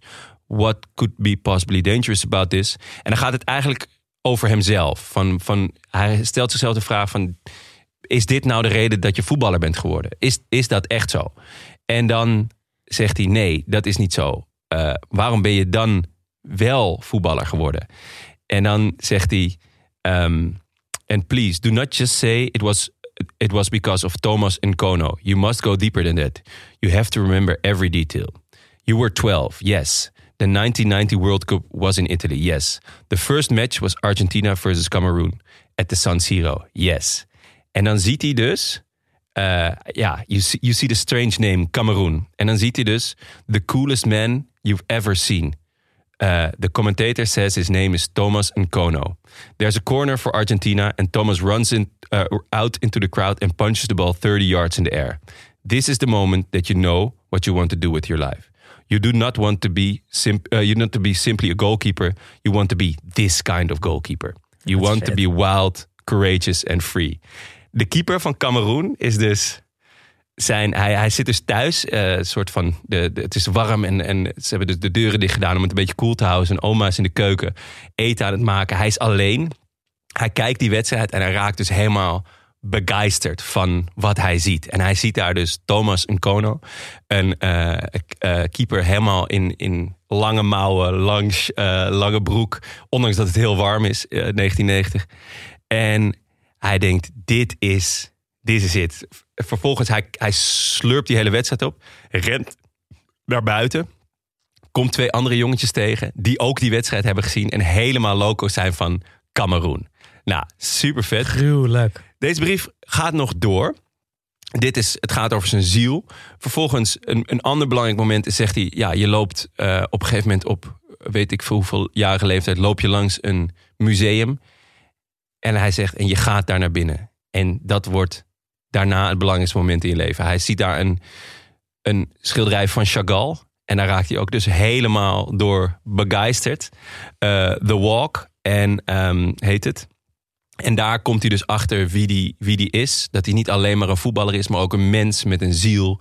En eh, ja, dat moment verandert dus zijn leven. En eh, nou ja, hij schrijft dus dat, dat, dat hij op deze manier uit zijn depressie is gekomen. Uit zijn, eh, ja, uit, uit zijn, eh, zijn oogkleppen heeft afgedaan. En gezien van, oh ja, er is meer dan voetbal. Er is meer dan eh, eh, ja, dan de, de, het geld en de roem en nou ja, alles wat erbij komt kijken. Maar dus een keeper van Cameroen en een kunstwerk van Chagall. Die hebben het voor hem, ja. ja die Dat had ik niet gedacht. Nee, dat had ik ook ik niet ook gedacht. echt totaal niet. Dus ehm, Heb je nu een hernieuwde bewondering voor Buffon gekregen, nu je dit weet? zeker, zeker. Ik heb, ehm, ik, ik, ik, ja, ik, heb, ik heb deze brief echt met buitengewoon veel eh, eh, bewondering gelezen. Ik vond hem al gewoon wel heel vet. Maar dit is echt, eh, ja, dit is een andere, ander niveau. Echt, eh, echt heel vet. Ja, echt gruwelijk. En ja, ik, ik vond hem... eh, hij heeft een geweldige uitstraling. En ik vind het ook heel vet dat hij zo lang doorgaat. Ehm, en dat ook echt met volle overgave doet. Ik durf het echt bijna niet meer te zeggen. Ik weet dat het vroeger in de kerk is. Maar ik heb dus altijd het gevoel gehad dat hij als keeper... dus een klein beetje overschat was. Wat ik ook heel erg met Casillas heb. Ja, bij Casillas kan ik je volgen. Bij Buffon niet. Ik heb Nee. namelijk, ik heb, ben ook best wel veel eh, van die filmpjes natuurlijk. Dat zijn filmpjes, maar er zitten een paar reddingen bij, jongen. En ja, ik, eh, ik heb hem vooral ook heel weinig zien blunderen. En, en hij straalt een soort rust uit. Ik, ik denk dat als verdediger dat het heerlijk was om hem achter je te hebben. Ja, ik denk ook, want de, ja, ik, ik dacht al, jij gaat zoiets zeggen. Eh, maar is het ook niet inderdaad niet dat hij nou de ene zweefduik naar de andere doet, maar gewoon het gebrek aan geblunder, gewoon de betrouwbaarheid dat hij daarom zo goed is. Ja. Eigenlijk wat Casillas misschien ook wel heeft. Ik ben dus niet naar de mooiste reddingen gaan zoeken, maar ik ben naar de grootste blunders van Buffon gaan zoeken. Ja, er zijn wat blokkerige, schokkerige YouTube-filmpjes te vinden van als hij nog een heel klein pikkie bij Parma onder de lat staat. Voor de rest nauwelijks. Ja? Ja, nou ja, dat, dat zegt wel genoeg, lijkt mij. Dan heb je me misschien eh, nou, nog niet helemaal overtuigd, maar toch wel al een klein ja, beetje. kijk, in Ja, dat ik vind het geval raad ik je aan om ja, toch om- gewoon vooral die brief te lezen. Die brief even. Daarna is het gewoon... Ja, is het gewoon één recht, rechte lijn naar adoratie. Ga ik doen. Misschien ook een schilderijtje van Chagall erbij. Of wat, Nou, ik eh, zat het al gelijk op te zoeken toen ja. je het vertelde. en die keeper ook. Nou, Ja. Dat zijn wel twee mooie inspiratiebronnen om te hebben. ja, Die hangen heel boven mijn vet. bed. Ja. Echt heel Goed, voor eh, Buffon stond natuurlijk ook eh, niet niks. Nee, Fabio Cannavaro. En dat is eh, toch nog steeds altijd de verdediger waarmee je vergeleken wordt als je een kleine verdediger bent. Ja. Want hij, eh, ja, hij is de man waardoor je als 1,70 meter lange centrale verdediger niet hoeft te schamen. Hij liet zien dat het kon. En ehm, hij was ietsje langer dan wel 1,75. Maar dat is voor een centrale verdediger natuurlijk alsnog heel klein. Geboren in Napels, maar groot geworden bij, eh, bij Parma. Later natuurlijk ook nog bij Juve en Real. Ehm, het moment voor mij wat Cannavaro het meest typeert is op het WK 2006. Hij was eh, de captain. Hij won volgens mij dat jaar ook de gouden bal. Ook als eh, de laatste verdediger ooit die hem eh, gewonnen heeft. Echt de leider van het elftal. Het staat 1-0 in, in de halve finale tegen Duitsland. En hij wint een kopduel van Per Mertesacker. Ja. Man die 20 centimeter groter is. Zet gelijk druk op Podolski, want die bal valt best wel verder uit. Hij sprint naar Podolski toe, verovert daar weer de bal. Geeft hem mee aan, aan Totti. Die stuurt Gilardino weg, die op zijn beurt eh, Del Piero eh, wegsteekt. En die maakt hem echt schitterend af. 2-0 finale is gehaald. Maar dat is ja, wat Cannavaro in één actie is eigenlijk. Gewoon onoverzettelijkheid. Goed inschatten van situaties. Ehm, met die 1,75 dus gewoon in staat zijn om kopduels te winnen van Per Mertesacker. ja, dat is wel Echt. Ja, het is voor mij gewoon wel een van de verdedigers waar, waar ik gewoon nog steeds meteen aan denk. Als je het over het vak verdedigen hebt. En ik vind het gewoon zo vet dat hij. eh, ja, dat hij, ja, nog steeds. Gewoon, el- elke kleine verdediger is gewoon. Dat kan door Cannavaro. ja, ik, Of ik- hebben jullie dat minder? Nou ja, ik, ik had dus wat, wat jij met Buffon hebt en met, met Casillas. Van, was het niet een beetje overschat? Dat heb ik altijd een beetje bij Cannavaro. Ik weet niet waarom, maar ik vond, ik denk, ik vond hem... In mijn hoofd eh, was zijn draaicirkel vrij, vrij groot. Dus Vrij groot voor een kleine man. ja, gewoon het, ja, het, het, het, het duurde vrij lang voordat hij was, was omgedraaid. Een beetje, ja, eh, een type kleine vrachtwagen. en ja, ik, ik weet nog dat, dat hij dus die gouden bal kreeg. En dat ik echt teleurgesteld was. Dat ik dacht, ja, nee, waarom, waarom nou weer deze man? Maar ja, ik vond het wel echt vet. ja? Ja. Ja, de, achteraf gezien ook wel vet natuurlijk, omdat weinig tot nooit een verdediger Nee. wint. Maar ja, ik, ik weet nog dat ik dat toen dacht. En dacht, ja, nee, er zijn echt wel heel veel vettere spelers op dit moment dan Cannavaro. Jij, Ja. Jas? Wat, eh, Ja, Jas, jij, jij moet het beslissen nu. Ja, ik ga, ik ga dan toch hierin eh, met Daan mee. Voor, voor mij staat hij ook wel voor een soort pure verdedigende kwaliteit. Ik, ik, kan, ik zie het niet heel erg voor me of zo. Wat hij nou, die acties zie ik niet voor. Maar wel inderdaad dat hij opeens die gouden bal won. Dat ik dacht, oh wow, hij is dus echt heel goed. Ofwel, ja, daar werd hij wel een soort synoniem met gewoon verdedigerskwaliteit. Ja, en het heeft gewoon volgens mij echt deuren geopend. Dat je als klein jochie gewoon ook dacht van... oké, ik, ik kan dit ook worden. Een kleine verdediger. Wie zijn eh, voorbeelden volgens jou die in zijn voetsporen zijn getreden? Nou, ik heb het nu bijvoorbeeld heel erg met eh Jurin Timber. Ja. Dat ik denk, ja, iedereen kan wel zeggen dat hij te klein is. Het zal maar wel. Maar dat maakt dus niet per se uit. En Martinez natuurlijk. Is ook Ja, eigenlijk grootste. ook, ja. Naast elkaar in een centrum. Het is wel lekker meteen die twee centrale verdedigers van Ajax zeggen. Ja, kan eigenlijk niemand anders bedenken. Nee. Naast hem stond eh Zenzini. Ja, en dat is toch wel. eh, ik raakte wel heel erg gecharmeerd van Sensini. Er is niet zoveel over hem te vinden. Maar dit is toch wel zwaar ondergewaardeerde voetballer. Had als bijnaam Bokita, het mondje. kan niet iets vinden behalve dan de foto's van hem. En eh, ja, het is een Argentijn, zo'n blonde Argentijn. Maar hij heeft een mond. Die loopt van zijn ene oor naar zijn andere oor. Het is echt een soort Mick Jagger eh, look. Dus ik kan me niet anders voorstellen Ja. dat hij gewoon Bokita heet vanwege zijn enorme mond. Ja, Moet wel. Ja. Maar een hele veelzijdige, grote, sterke, intelligente, betrouwbare centrale verdediger. Maar kon dus ook als nummer 6 of als back. Of eh, was ja, super veelzijdig. Aanvoerder van dit team ook. Drijvende kracht. Werd ook gezien als een van de beste spelers, verdedigers in de jaren 90. Kwam eh, van Newell's Old Boys via Udinese naar Parma. En ging na dit seizoen eh, via Lazio terug naar Udinese. Waar hij doorvoetbalde tot, eh, tot zijn veertigste. Kreeg de bijnaam Nonno, opa of Nestor. Vanwege die eh, leeftijd. En werd daarmee de oudste buitenlandse speler in de Serie A. Vet. Mooie, mooie maar, verdediger. En ook echt een, echt een, eh, ja, een kop van een verdediger. Ja, Toch? een Ja. mond van een verdediger. Ah, dit had geen linksbuiten kunnen zijn. Ik vind Nieuws Old Boys, altijd als ik die naam hoor, dan, dan krijg ik ook zo, gelijk zo'n beetje zo'n Parma gevoel bij. Van wat, wat is dat voor club? Ja, Ik moet mooi ook een shirt. keer, eh, moet ook een keer gaan uitzoeken. Messi komt er vandaan natuurlijk. Ja, Bielsa ook toch? Zou goed kunnen, ja. Dan gaan we door met de verdediging eh, Lilian Thuram. En volgens mij heb ik dat eerder ook al gezegd in een van onze afleveringen waar we hem ook besproken hebben. Dat ik ook voor Thuram echt een zwak heb. Ook als zo'n pure verdediger. Snel, sterk, wendbaar. Eh, ook echt een goede verdediger, verdedigerskop, vind ik. Ehm, Het is belangrijk hè, Ja. dat je als verdediger... nou, toch wel een beetje. uit- Uitstraling. Ja, als we dan toch over, over centrale verdedigers van Ajax hebben, ja, per schuurs, dan denk je ja, Gaat het dus nooit, Nee. gaat het nooit worden. Nee. nee dat, ja. gewoon niet de uitstraling. Nee, en dat probleem eh, had Turam zeker niet. Die straalde in alles uit dat er, dat er niks te halen valt.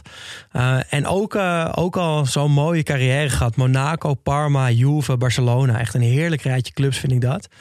Ehm, en als Barça-fan weet ik ook nog wel dat ik het echt geweldig vond dat hij kwam. Eh, ik hoopte dat hij... Nou, dat daardoor bijvoorbeeld Piqué niet meer hoefde te spelen.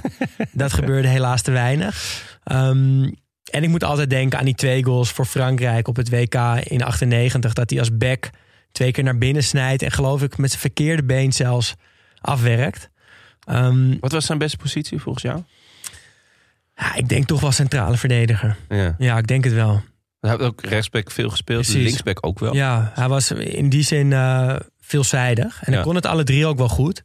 Ehm, maar als je als verdediger centraal kan spelen... Ja, dan moet je je niet laten misbruiken als back eigenlijk, vind ik. Ehm, ja, dat vind ik gewoon. Dat, Ja. dat hoort niet. Misbruikersback. Ja, dan zeg je gewoon nee. Nee, liever niet. Van nee, ik doe niet mee vandaag. Ik sta gewoon centraal. Ja. En eh, je zoekt maar een andere back. ik, heb, eh, ik heb bij heel veel spelers dat als je aan ze denkt, dat je ze meteen in een shirt ziet Ja. van een team. Dat je denkt van, oh ja, daar horen ze. Of Ja. dat is, daar zijn ze synoniem mee geworden. Maar dat heb ik niet bij Turam. Ik zie hem Oh. eigenlijk meteen in vrije tijdskleding. met die bril. Hij heeft zo'n mooie zwarte ja, bril ja. en dan een weet zwarte kooltrui aan Ja. of zo. Ja. ja. Hij is de politiek beetje- ingegaan. Ja, een intellectuele uitstraling. Eh, ja, ik weet het. Moet daar Is niet, politiek niet aan... eh, Zeker, ja. ja. In Frankrijk. Ik dacht dat hij eh, ook nog technisch directeur was geworden, toch? Nee, dat is Abidal. Ah, het is Abidal daarmee in de natuurlijk. war? Ja, ja, Ja. Nee, sorry. En wat ik trouwens ook nog wel heel vet vond... is dat eh, dus Buffon, Cannavaro en Turam... later ook weer samen speelden bij Juve. Dus Ja. die waren bij Parma... vormden die een, eh, een verdediging... en bij, bij Juve weer. Ja. Heel vet. Heel vet. Bij wie, eh, welk shirt zie jij dan als je aan eh Turam denkt, Jonne? Ja, toch Barça gewoon. Ja, nog dat ja, beetje wijdig. Een beetje wijd shirt, wapperend. En gaan. Nee, ja, ja eigenlijk gelijk Barça. Kan. Ja, er is geen goed antwoord of zo. Het is gewoon eh, waar, jij, waar jij aan Ben ik geslaagd? Ben ik Ja, geslaagd? ja, je hebt het goed. Nee, ja. Vijf ja. punten. Ja, en dan... eh, ja, Veron toch wel? Daar ja, dan gaan we over. Ja. Fiore en Fousser, die spelen er ook. Maar die skippen we voor het gemak even. En voor de tijd vooral. Ja. Ja, Juan Sebastian Veron. Eh, bij hem moet ik altijd gelijk denken aan Juan Roman Riquelme. ik denk ook gewoon door die drie Ja. dubbele naam. Dat, ja, voor mijn gevoel gewoon één speler. Terwijl ik weet ook wel dat het best wel andere types waren. Maar die vallen zo samen met elkaar. Ehm, Een beetje zoals Henk Vos en Ricky Hogendorp. Ja, eigenlijk wel, ja. ja. Zoals in onze vorige aflevering we erachter kwamen... dat er gewoon een Nederlandse spits was... die eigenlijk één en dezelfde man is. heb, je, heb ik dat ook een beetje bij Veron eh, en Riquelme. Maar dan moet ik wel zeggen dat ik Veron's uitstraling... wel echt mega vind. Gewoon met die, ja, die lage scheenbeschermers. Ik denk dat hij een van de eerste was die dat echt deed. Die scheenbeschermers heel laag met die afgezakte kousen... zo een beetje erop vallend. Eh, vaak een witte band om zijn knie, alsof hij een jochie van 13 is dat nog groeipijnen heeft.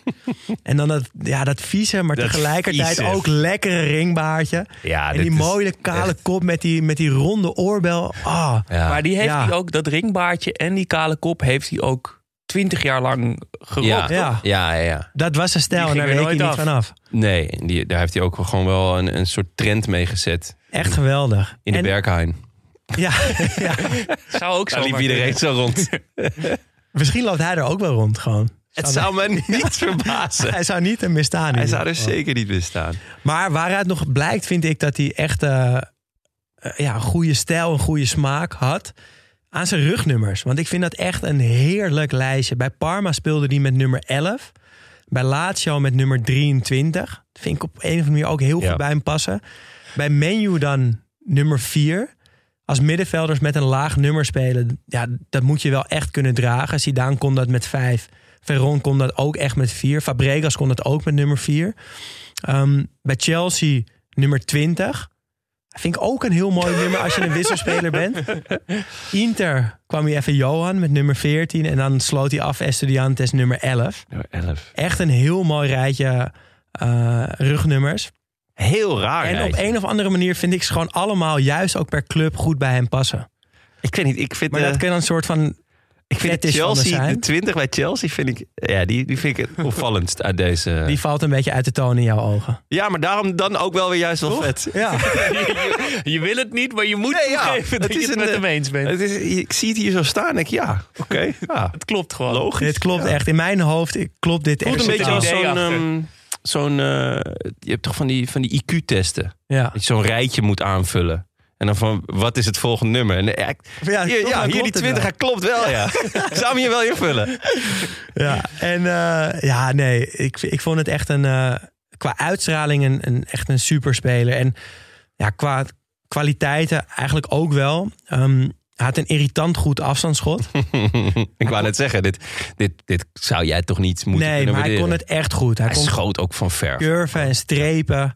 Ehm, en ja, dit moet jij ook mooi vinden, jongen. Hij, hij, had de, wat ik de mooiste soort vrije trap vind, had hij in zijn arsenaal. Dat je hem in zijn geval dus met rechts, vanaf rechts, In de verre. links, zeg Ja. maar, hoog in het goal krijgen. Dus dan Ja. moet hij over de muur Afdraaien. afdraaien over de keeper. Ja. Eh, dat kon hij. Zo lekker, Echt, omdat de eh, keeper daar zo vaak op stapt. Ja, Dan voor die korte Zo mooi. Ja. Maar het is eh, waar wat je zegt van het afstandsschot. Want eh, ik volg Veron op Instagram. Leuk. Volgt Dat hij is- jou ook? Nou, dat is leuk dat je dat vraagt. Maar eh, wij hebben namelijk ooit een like van hem gehad. Dat meen je niet. Oh ja, dat klopt ja. Nou, tenminste, eh, met Studio Jaxi, wat Daan en ik dus ook Ja. eh, maken.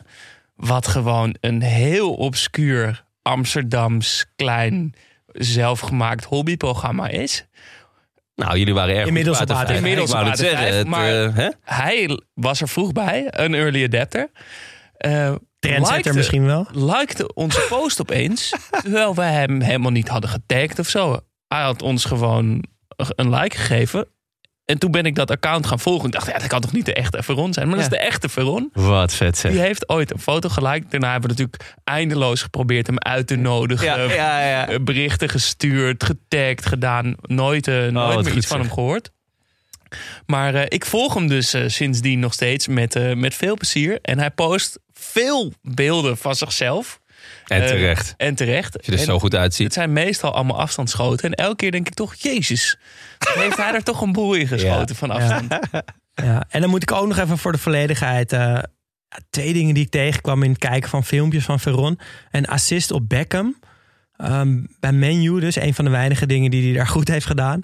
Een soort van ja, lage crosspaas assist. Ehm, die Beckham vervolgens afmaakt met een stift. Echt heel mooi. Uh, en ook een ongelooflijke goal tegen Feyenoord toen hij bij Lazio speelde. Een soort van 1-2 door het centrum. Die hij met zijn hak, soort van vallend, over de keeper heen loopt. Ja, die Ja, bal komt ja, hoog en ja. het lijkt alsof hij hem aan wil nemen. Nog net met een uiterste Ja. poging. Maar in plaats van dat hij hem controleert, ploft hij eigenlijk over de Ja. keeper heen in Ja. de verre hoek. Je ziet eh, Paul. Bosveld balen. ja, Zo zie ik Paul Bosveld eigenlijk wel Ja. het liest. echt eh, schitterend. Nou, en eh, dan nog even over die bijnaam. Want eh, hij kwam uit een echte voetbalfamilie. Zijn oom speelde bij Sheffield Wednesday. En zijn vader was eh, een grote speler bij Estudiantes. Zijn vader had als bijnaam La Bruja, de heks. En daardoor kwam Veron aan zijn bijnaam La Brujita, de kleine heks. Waarom die vader dan de heks heette, kon ik nergens vinden. Ik zag wel een paar tekeningen van hem. Op, tenminste, ik zag foto's van hem. Daar leek het gewoon op een gewone Niet voetballer. een heks. En er werd een beetje een karikatuur van hem getekend op voetbalplaatjes. En daarop werd zijn neus een beetje vergroot. En leek hij een beetje op een heks misschien. Maar verder dan dat kwam ik niet. Lekker. Weer productief dagje vandaag. Ja, omdat ik dit vet. hele, Nee, deze ja, hele podcast vet. zit voor te bereiden. Oh, ik wilde tot de bodem toe eh Nee, uit gelijk heb zoeken. je. La Brujita. Dan eh, komen we al eh, in de spits aan. Ja. En eh, dat is een heerlijke trio eigenlijk. Want naast Aspria en Crespo, daar komen we straks nog op, stond ook Enrico Chiesa, de vader van Federico, die nu bij Juve speelt. Was in die tijd een van de belangrijkste spelers van Parma. Heel smal, kleine, tengere, tengere spits, maar heel behendig, snel, goed schot. En ehm, ja, wat, heeft bij een enorme lijst aan clubs gespeeld. Scoorde ook overal. Ehm, deed ook echt niet onder voor zijn zoon Federico, die nu furoren maakt. Maar had gewoon pech om in de gouden dagen van Italiaanse voetbal te spelen.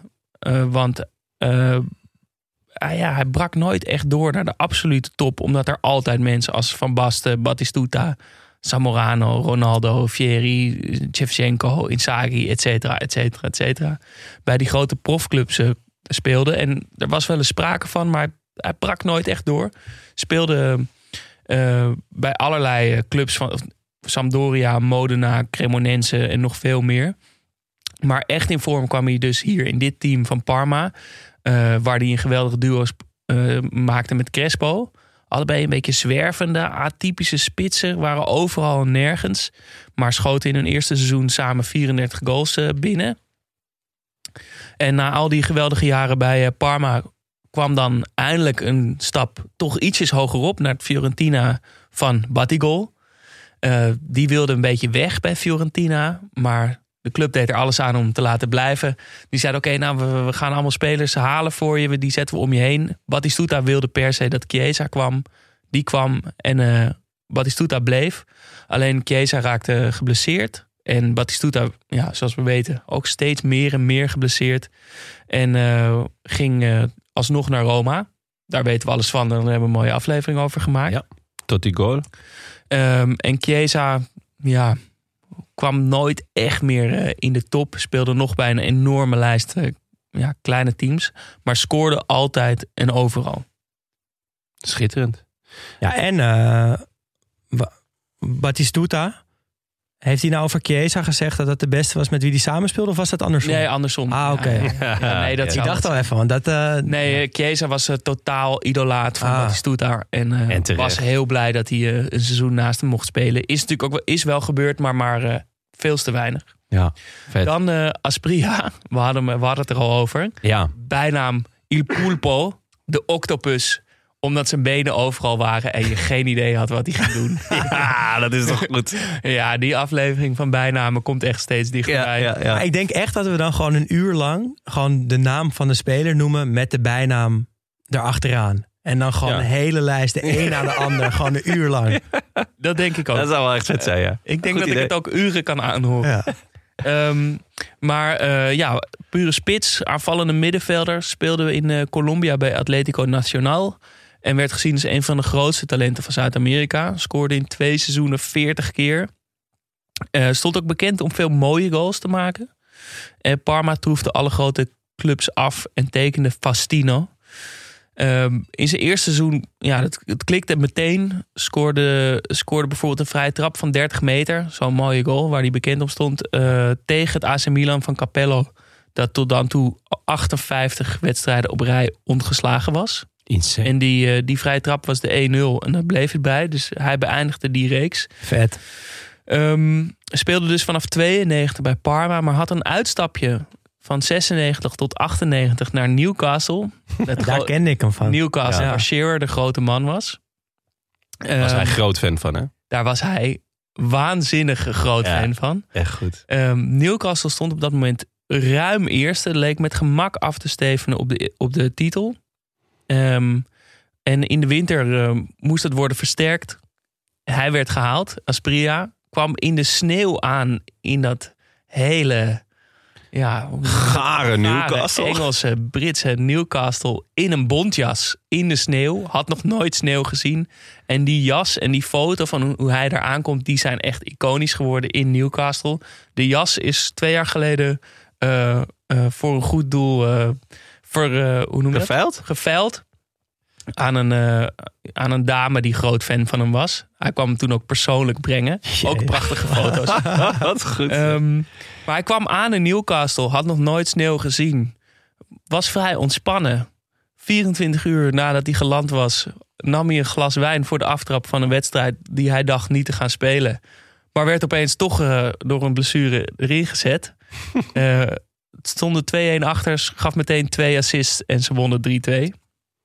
Ehm, maar hij is niet geheel onomstreden in Newcastle. Hij wordt enorm geliefd door zijn uitspattingen, maar ook toch een beetje capsones.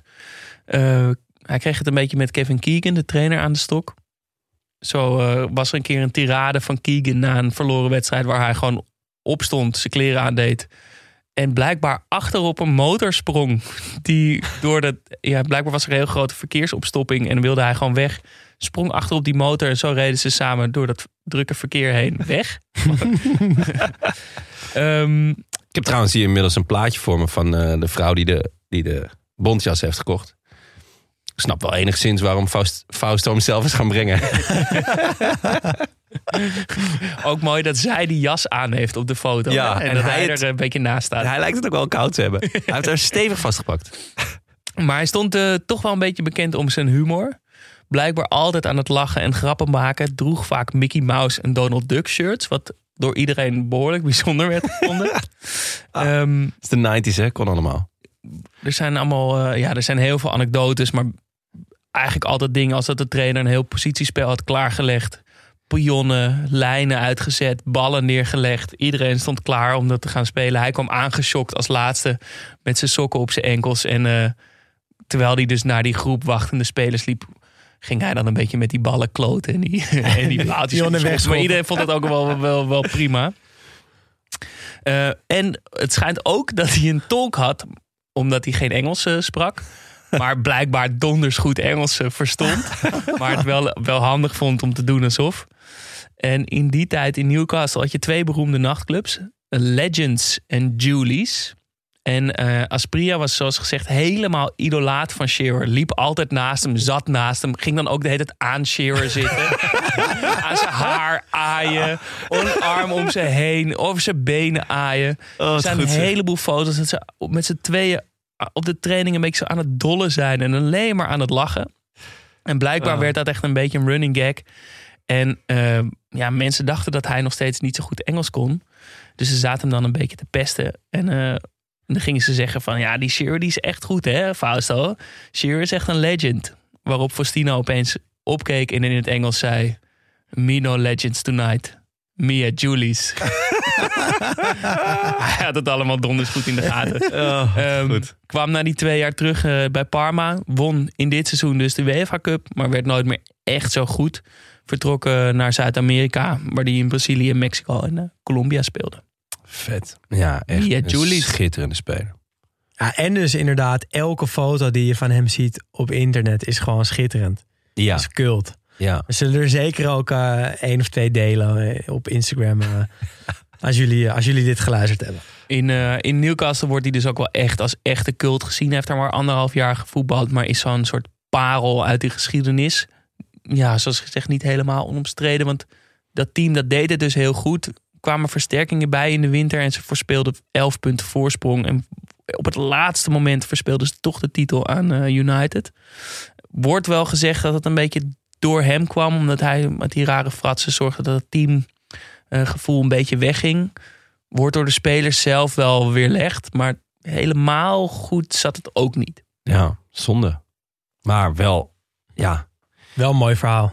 Ja, sowieso een schitterend verhaal. En eh, ja, dat, het kan natuurlijk wel, hè. Dat als je, als je lekker zo in zo'n, in zo'n streak zit eh, en je hebt die elf punten. Waar, ja, de- ik snap ergens wel dat je zegt, van, eh, hè, als je zo'n speler als hij binnen kan halen, dan doe je dat. Aan de andere kant, ja, het is natuurlijk ook gewoon een reden dat het goed loopt. En, en ja, misschien moet je, moesten ze dan toch gaan wisselen of iets dergelijks. Ik weet het niet. Maar als je hem binnenhaalt, ja, zo'n vette gast en zo'n goede speler, dat kan toch eigenlijk alleen maar genieten zijn. Ja, dat, dat was het zeker. Ja. ja. En dan, eh, Ja. dan als laatste toch nog even Crespo. Ja, moeten we Hernan toch... eh, Crespo. De Ja. krul. De krul. Ja, volgens mij betekent dat het. Maar kan Crespo. Ja. Ah, ik dacht dat, die, dat ze bijna... Althans, ja, door die mooie krullende Nou ja, had nee, ook gekund. Nee, nee, ja, eh, een vriend van mij die was eh, op de middelbare school eh, groot fan van Crespo. En eh, die ging ook eh, op feestje verkleed als Crespo. En eh, die- hij had zelf krullen, maar hij, hij, hij beweerde dus altijd, maar dat kan natuurlijk gewoon, dit was, nou ja, begin internettijdperk. Hij beweerde dus dat Crespo de krul betekende. Dus ik weet eigenlijk niet eens of het, of het echt zo is. We maar gaan ik het gewoon, checken. Nee, ik heb het gewoon altijd, altijd voor waar aangenomen.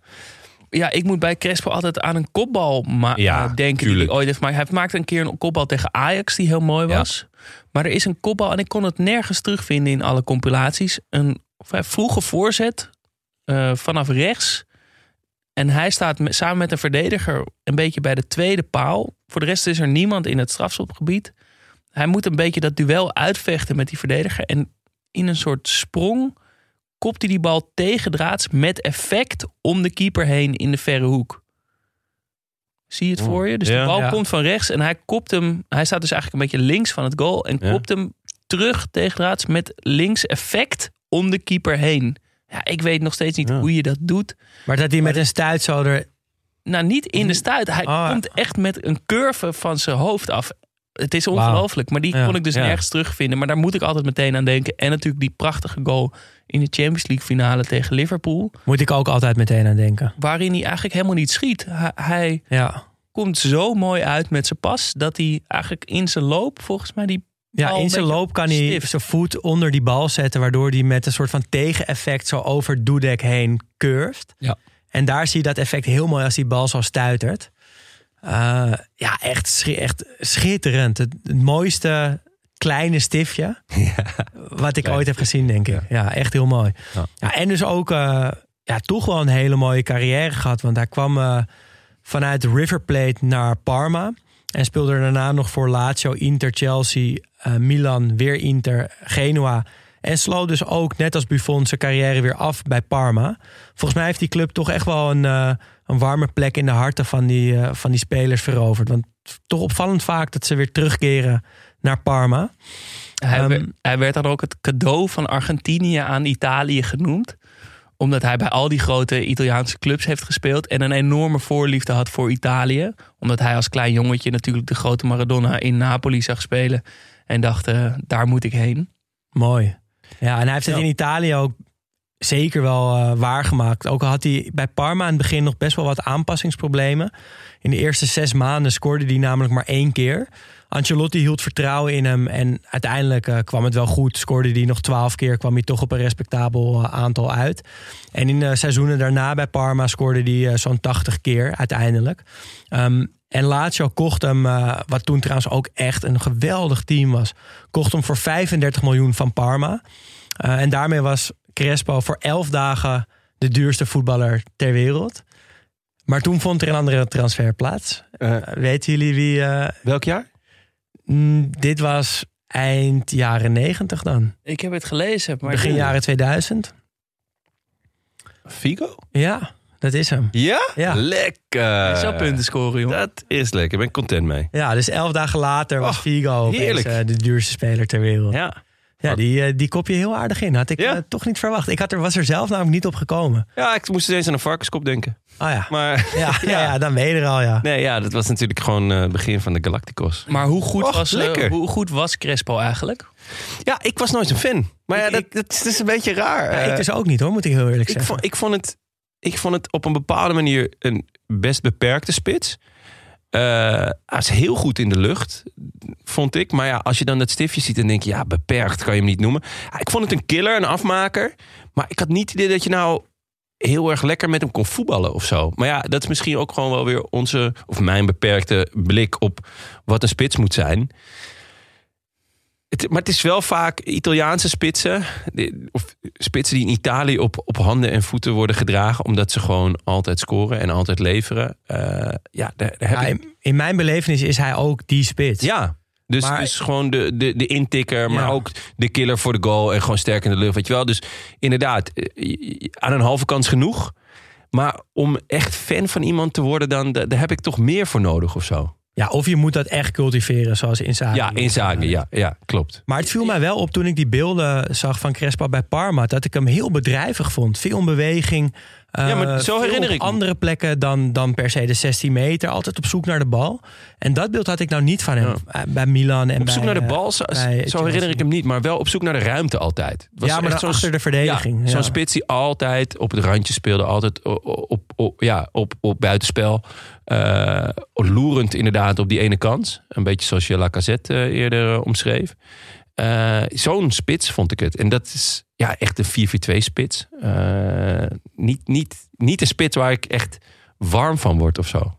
Ja, ik, ik ben het wel met je eens, denk ik. Of zo'n beeld had ik ook wel van hem. Maar ik denk dat we hem daar wel echt tekort mee doen. Want ik vond hem juist heel veelzijdig.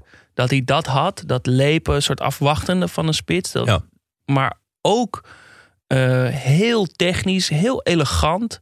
Ook prachtige kleine lopjes, dribbels, passeerbewegingen. eh, en omhalen heb ik. Ik heb me iets van vier, vijf eh, goals zien maken uit een omhaal. Afstandsschoten. Maar ook dus heel verfijnd en heel precies. En Ja, het kan natuurlijk ook dat een, eh, allebei. dat, een, dat een speler in de loop van zijn carrière een klein beetje verandert. Hè? Dat hij in zijn beginjaren dit allemaal was. En later geëvolueerd is tot een echte afmaker. Zou ook nog kunnen. Maar Ja. ik, eh, de beelden vielen me echt heel erg mee. Ik zag, ik Ja. zag een ander type spits dan ik eh, in mijn herinnering eh, bedacht had. Komt denk ik ook ehm, door de clubs. Chelsea, Inter, Lazio. Toch een beetje, heb ik altijd op een bepaalde manier een moeizame eh, relatie mee. Dat, dat- Ja, snap ik wel. het type voetbal of, of het, het, het- nou ja, Chelsea natuurlijk het gebrek aan echte, of het- eigenlijk gewoon het grote geld dat daarmee om de hoek kwam. Inter was, was in de jaren nul echt zo'n, ja, gewoon zo'n Italiaanse luizenploeg waar je altijd met 1-0 van verloor. Eh, ja, Lazio natuurlijk gewoon rechts aanhouden. Dus ja, dat, ik weet niet, misschien dat het daardoor komt. Dat, het, dat ik daardoor niet de, de liefde... Want inderdaad, toen ik beelden zat terug te kijken, dacht ik wel, poeh. Ja, misschien bij Parma wel de beste versie van zichzelf. En dat Ja. maakt dit team ook eh, misschien Extra nog wel mooi. wat mooier. Ja. Ja. Ze eindigden dit jaar derde in de Serie A. Straatlengte achter Milan. eh, straatlengte achter Lazio. En kort achter Fiorentina. Ze eindigden vierde dus trouwens, sorry. Eh, wonnen wel de Coppa Italia. eh, met vooral een, een leuke dubbele halve finale tegen Inter. Waar toen Taribo West, Diego Simeone, Giorca F, Aaron Winter, Zamorano, Ronaldo, Roberto Baggio speelden. Uh, en de finale wonnen ze van, uh, van Fiorentina. Uh, met onder andere Rui Costa, Toldo en dus Batistuta. Um, en ze wonnen dus ook de UEFA Cup. Um, via Fenerbahce, Wisla Krakau, Rangers komen ze in de kwartfinale Bordeaux tegen. Waar onder andere Wiltor en Miku speelden. Thuis wint Bordeaux nog, maar in Parma wordt het 6-0. Oh. En gaan ze door naar de halve finale, waar ze zowel uit als thuis winnen van Atletico Madrid. En dan spelen ze in Moskou de finale tegen Marseille. Um, 3-0 winst. Crespo met een, uh, een, mooie lop over de keeper heen, wel na een tekorte terugspeelbal. Een mooie kopbal, de 2-0. En uh, de 3-0 is ook een onwaarschijnlijke goal met ja, een pegel van Chiesa. Echt heel hard die goal in. Ja, maar vooral de, de actie die er voor, aan vooraf gaat met Turam, die doorkomt op ja. de rechterkant, is, ja. is waanzinnig mooi. Ja, daar zag je al een beetje de Turam van Frankrijk uh, aan de rechterkant. Ja. Maar ja, dit is dus wel hun grote claim to fame, die UEFA Cup. Want Daarna gaat het mis. daarna gaat het toch... nou, eigenlijk valt het wel mee. Het ging, het ging minder snel mis dan ik gedacht had. Ja, het gaat bedriegelijk lang goed eigenlijk. Ja. Want ze blijven eigenlijk een redelijk constante subtopper in de Serie A te zijn. Seizoen op seizoen worden ze vierde, vijfde, vierde, vijfde, achtste, vijfde, vierde. Gaat eigenlijk Ja, degelijk. prima. Alleen eh, aan de achterkant gaat het dus een stuk minder eh, goed. De financiële huishouding klopt uiteraard zoals we gewend zijn van dit soort teams van geen kant. Parma AC, zoals de club op dat moment heet, gaat failliet in 2004 als gevolg van het Parmalat-schandaal. Die hele clan eh, die blijkt het al jaren bij elkaar te liegen en te frauderen. Ja, En, en niet voor een paar centen, echt voor volgens mij bijna een miljard of zo was het. ja ze zouden 4,5 miljard euro aan liquide middelen moeten hebben. Maar op een gegeven moment lukte het niet om een lening terug te betalen van 150 miljoen piek. Ja, Ja. toen gingen er wel belletjes rinkelen. Toen wel. Eh, maar eh, Parmalat ging dus eh, failliet. Parma AC maakte een doorstart als Parma FC. En dat ging eigenlijk ook nog wel oké. Ze behouden hun plek in die subtop. En dat gaat nog een paar jaar goed. Maar eh, ja, het gaat toch zijn tol eisen. Want die eigenaren die wisselen elkaar in rap tempo op. De club wordt voor 1 euro weer doorverkocht aan die. Die steekt er dan weer wat geld in. En dan wordt het weer doorverkocht voor een euro aan die. En al dat eh, gewissel van eigenaren, te late betalingen, financiële constructies, kapitaalinjecties, curatoren, puntenaftrek. Eh, ja, die zorgen in 2015 dat het echt niet meer gaat. Er is geen geld meer. Spelers zijn al jaren niet, of een, een jaar niet betaald. Ehm, de laatste wedstrijd van het seizoen gaat niet door, want de stewards kunnen niet ingehuurd worden. Wauw. Het gaat, eh, het gaat failliet, het boek is dicht. Het is echt klaar op, over en uit in 2015. Eh, maar een groep fans en lokale zakenmannen denken toch... nee, we houden het levend. En zetten een doorstart in van eh, Parma Calcio, wordt het dan. Ze worden teruggezet naar de Serie D, vierde niveau. En dan gebeurt er eigenlijk iets bijzonders. Eh, doordat die club opeens weer van de fans is... en van lokale zakenmannen komt er een soort nieuwe trots voor die club. Fans gaan massaal de club steunen, kopen meer seizoenskaarten dan ooit. Nevio Scala, de oude coach die helemaal aan het begin van dit verhaal aan de wieg stond van dit Parma, komt terug. Eh, en vooral, en dat, ja, daar komt eigenlijk nu het hele verhaal van Parma komt samen in deze ene man. Want alle spelers vertrekken, behalve eentje. Lucarelli, de oude aanvoerder, die zegt: Ik blijf mijn t- club trouw, no matter what. Ook al ga ik op de vierde niveau spelen, maakt niet uit. Hij blijft en door zijn verdediger en, en zijn aanvoerderschap en hoe hij die club weer op sleeptouw neemt, eh, krijgt ze maar 17 goals tegen in de Serie D. Ze gaan naar de Serie C zonder een wedstrijd te verliezen. Eh, buiten het veld doet hij ook van alles. Hij rijdt spelers naar trainingen. Hij hel- helpt eh, financieel waar het kan. Hij organiseert van alles. Ehm, en eh, is inmiddels bijna 40. Zorgt in het laatste seizoen in de Serie C... in een bloedstollend spannende promotiecampagne... voor promotie. Ze stellen het veilig in een laatste playoff wedstrijd. Ze gaan naar de Serie B... Ehm, dan denkt iedereen, nou, nu is dat geluk van het Parma wel over. Ja, die Serie D, die overleven ze wel. Die Serie C, die hebben ze ook wel overleefd. Maar nu Serie B, dat is gewoon zo'n stugge competitie. Net als de Championship. Of eh, ja, dat, dat, Ja. dat lukt gewoon niet. Eh, maar Lucarelli staat nog één keer op. Doet nog één eh, oude truc wat van, de, van de oude aanvoerder. Scoort zes keer in zes wedstrijden. Terwijl ze er op dat moment niet zo goed voor staan. Eh, ze komen erop en dan op het laatste, weer in de laatste wedstrijd, play-off, lukt het. Schiet hij eh, Parma weer terug naar de Serie A. Wat vet, hij is zeg. Wat een verhaal. 41, wordt op de schouders gehezen en eh, stopt die avond met voetballen. Wauw, wat een verhaal. Gruwelijk. Ja, Ja, hij en alles wat je leest hierover, iedereen die wordt geïnterviewd, zegt allemaal. Het is alles te danken aan deze man, Lucarelli, met zijn onvoorwaardelijke liefde voor deze club. wat goed zeg. Schitterend. Heel Ja. vet. Ja, we zitten al inmiddels al bijna anderhalf uur, maar dit was wel, dit moest even verteld worden. Ja. Dit moet zeker verteld worden. En hebben we het dus Ja. nog niet eens over Mutu en Adriano en al die net zeggen, spelers die kwamen gehad. daarna nog. Ja, die kwamen, nou niet na dit verhaal, maar wel na, eh, ja, na dit succes. Ja. Eh, begin jaren 2000 had je een hele reeks spelers die Ja. ook nog bij Parma voetbalden. Ehm, maar de echte man van Parma is dus gewoon eh Ja. Lucarelli. Ja, nummer 6 wordt ook nooit meer gedragen en terecht. Oh, Want je kan goed. nooit meer in de voetsporen treden van iemand die zo onvoorwaardelijk van zijn club houdt als Lucarelli. Ja, wauw. Wat een heerlijk verhaal. Ja, toch? Ja, Ja, prachtig. Mooi. Prachtig einde denk ik ook eh, Ja, van onze afleveringen over Parma. Ehm, maar niet voordat we onze nieuwe vrienden van de show noemen en bedanken. En dat gaan we zeker doen. Ja, want er zit een hele... Nou, jullie zijn allemaal speciaal, maar er zit er eentje bij die wel heel speciaal is. Gaan we als laatste noemen. Dus Ja. eerst even de rest. Valiano en Arnoldinho. Dankjewel. Arnoldinho en Valiano. dit Dankjewel. lijkt, mij, dit lijkt mij een tandem. Ja, ja ze hebben Wij dus... zijn er blij eh, mee. Ja, Ja, misschien is en Crespo eh, ja, van, een eh, goed spitsenduo misschien. Ja, Ja, lekker. Allebei vriend geworden. vet. Heel mooi. Familie van Venrooy, ook fan geworden. Ja, dat vind ik ook geworden. leuk. Dat het de hele van. Ik zie voor me dat ze hem dan met, Zondagavond Met- wordt op schoot. Ja. En dan luisteren naar ons. met z'n vier. Ik zie een gezin van vier voor me die met elkaar dit luistert. Ja, Dat doet Heerlijk. goed. Ja, op het bankje. Ehm, Bart Sandberg, Drank van Moorselaar ook bedankt. ja die, die, die was volgens mij al vriend. Maar die is gewoon... vriend eh, Oh, nou ja, nou, maar- nog een keer bedankt dan. Ja, super bedankt. Kunnen niet genoeg Nee. onze vrienden van de show bedanken. Heerlijk.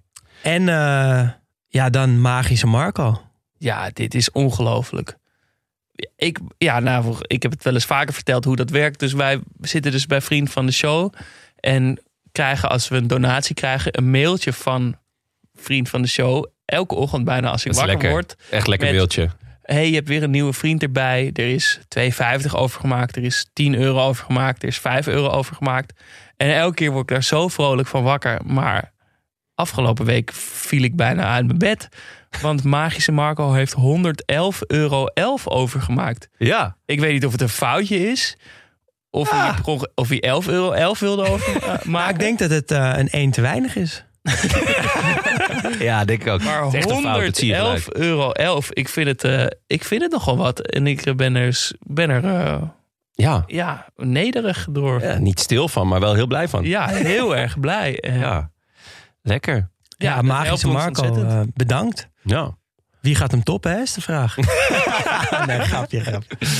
Ook weer een boel verlengers trouwens. Ja. Misschien was dat het foutje. Dat Bart Sandberg en Drank van Moorselaar verlengd hebben. Ah, dat zou daarom in de ja. lijst Ja, want we, zijn natuurlijk eh, ongeveer in, in, eh, Ja, iets meer dan een jaartje Iets meer dan een jaartje bezig. bezig. Dus eh, ja, dat kan natuurlijk. Eh, oh ja, de shirtjes die worden deze week verstuurd. Ja, toch? ik vergeet dat steeds, maar ik, ik zal ze nu dan. Ja, aan. Sander en aan Keijen. Ja. Eh, verder kan je natuurlijk ook onze oude afleveringen luisteren over eh, teams uit het recente verleden. Een beetje zoals we vandaag weer hebben gedaan. Eh, zoals het Feyenoord dat de UEFA Cup won met eh Put Your Hands voor Pierre. En eh, het Frankrijk van eh, Zidane natuurlijk. Eh, en eh, die het eh, EK in 2000 won. Of natuurlijk het Rome van Totti dat in 2000 de Scudetto won. Totti goal. Vandaag allebei voorbij gekomen toch wel. Wat spelers. Dus het was heerlijk. Ehm, ja, Studio Socrates wordt eh, verder mede mogelijk gemaakt door Dag en Nacht Media. Wil je meepraten? Dat kan.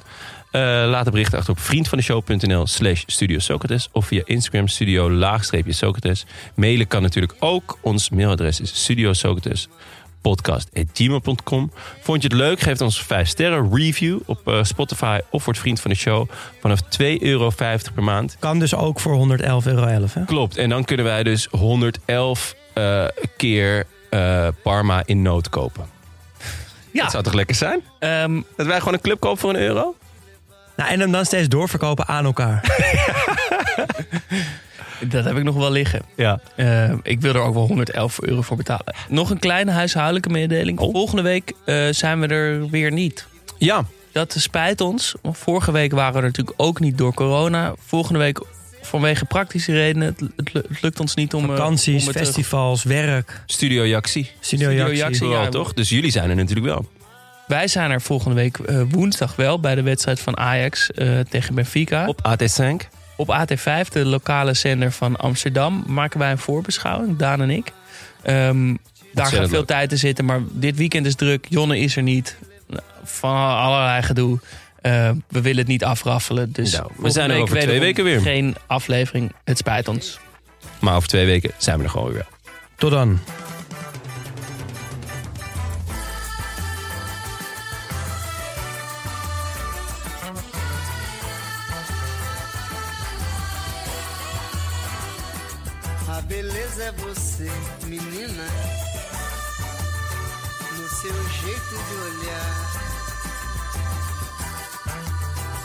Sucesso é você, menina.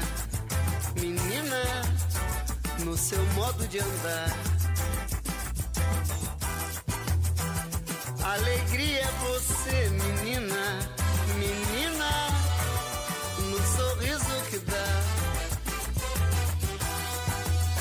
Vendaval por amor, menina. Menina, todos querem te amar. Ei, vento, vento, vento no mar. Te segura no balanço pro vento não te levar. Ei, vento, vento, vento no mar. Te segura no balanço pro vento não te levar. Ei, vento, vento, vento no mar. Te segura no balanço pro vento não te levar.